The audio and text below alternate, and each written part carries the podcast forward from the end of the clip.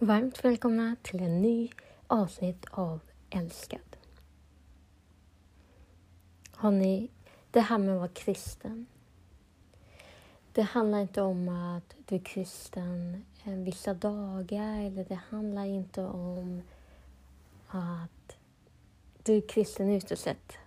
Um, ehm, kristen är att ha en tro på Gud, att man har valt att följa Jesus.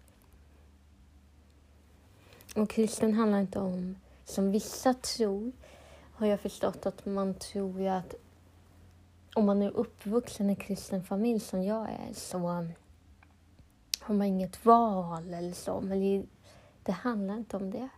Det handlar om att välja själv. Att inte tvinga någon för tro, det är det man har i hjärtat. Och man vill göra själv och ingenting annat. Men idag tänkte jag inte prata om just det, utan jag tänkte ta upp ett ämne som heter ubåtskristen. Vissa kommer förstå vad det här menas och så, men jag väljer att ändå använda det här ordet för att det är så en bra bild av vad det är. Vi ska inte vara ubåtskristna. Vi ska vara kristna på heltid.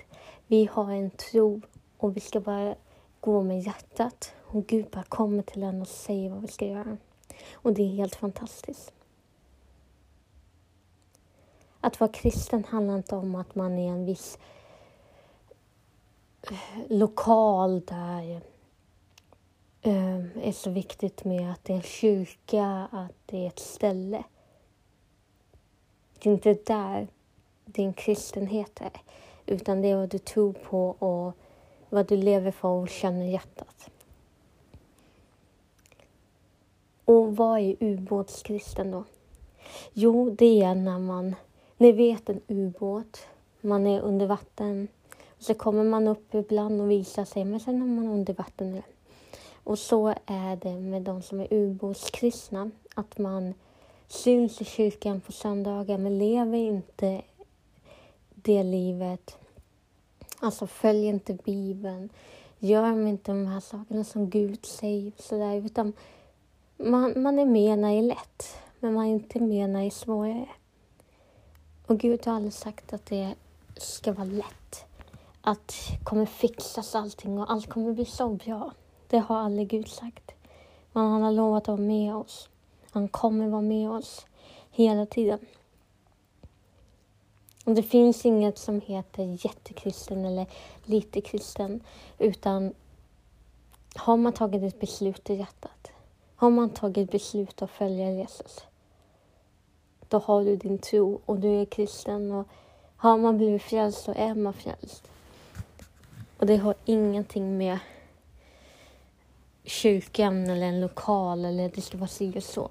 Att följa Bibeln, att följa Gud, att låta han leda dig.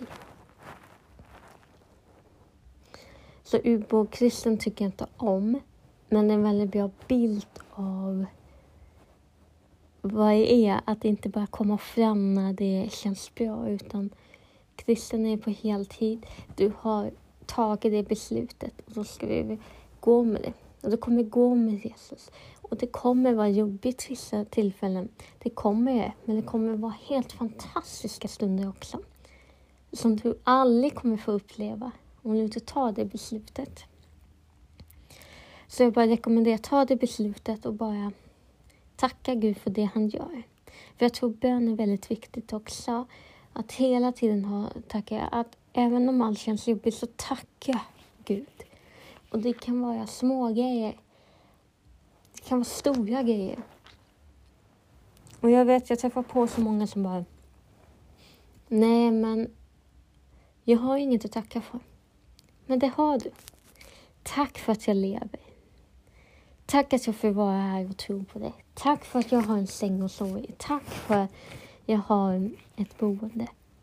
Det finns så mycket att tacka för. Och Gud är med dig.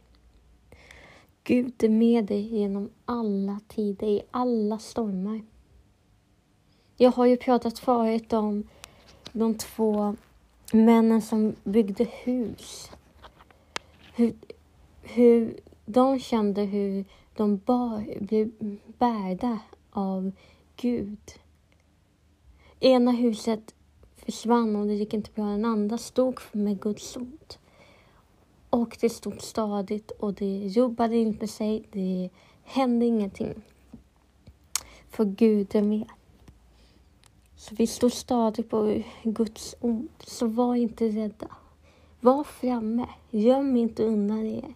För att Gud är med oss. Och han står fast med det. Så var inte den här ubåten som kommer upp ibland för att man är lite rädd att visa sig, man är lite rädd att stå för det man gör. Du behöver inte vara rädd. Gud är med dig. I alla tillfällen, i alla situationer, när det är bra.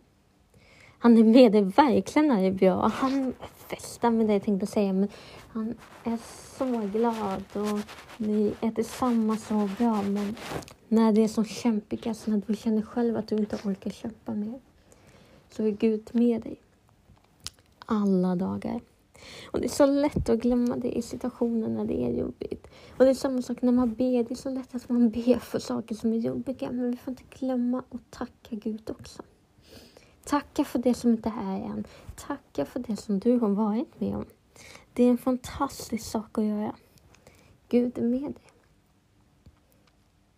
Och stå för vad du tror och ta det där steget. För att det är du som har betjänat det är du som har sagt att jag tror på en Gud. Jag tror på en Gud som är större än allt annat. Och det är genom, genom allt. Gud är med mig. Gud är med dig som lyssnar. Det är en fantastisk grej. Vi är aldrig ensamma. Och jag vet att jag har tjatat om det här så mycket. Men jag vet hur mycket man behöver höra det. Du är så fantastisk. Och Gud älskar dig. Och han är med dig alla dagar.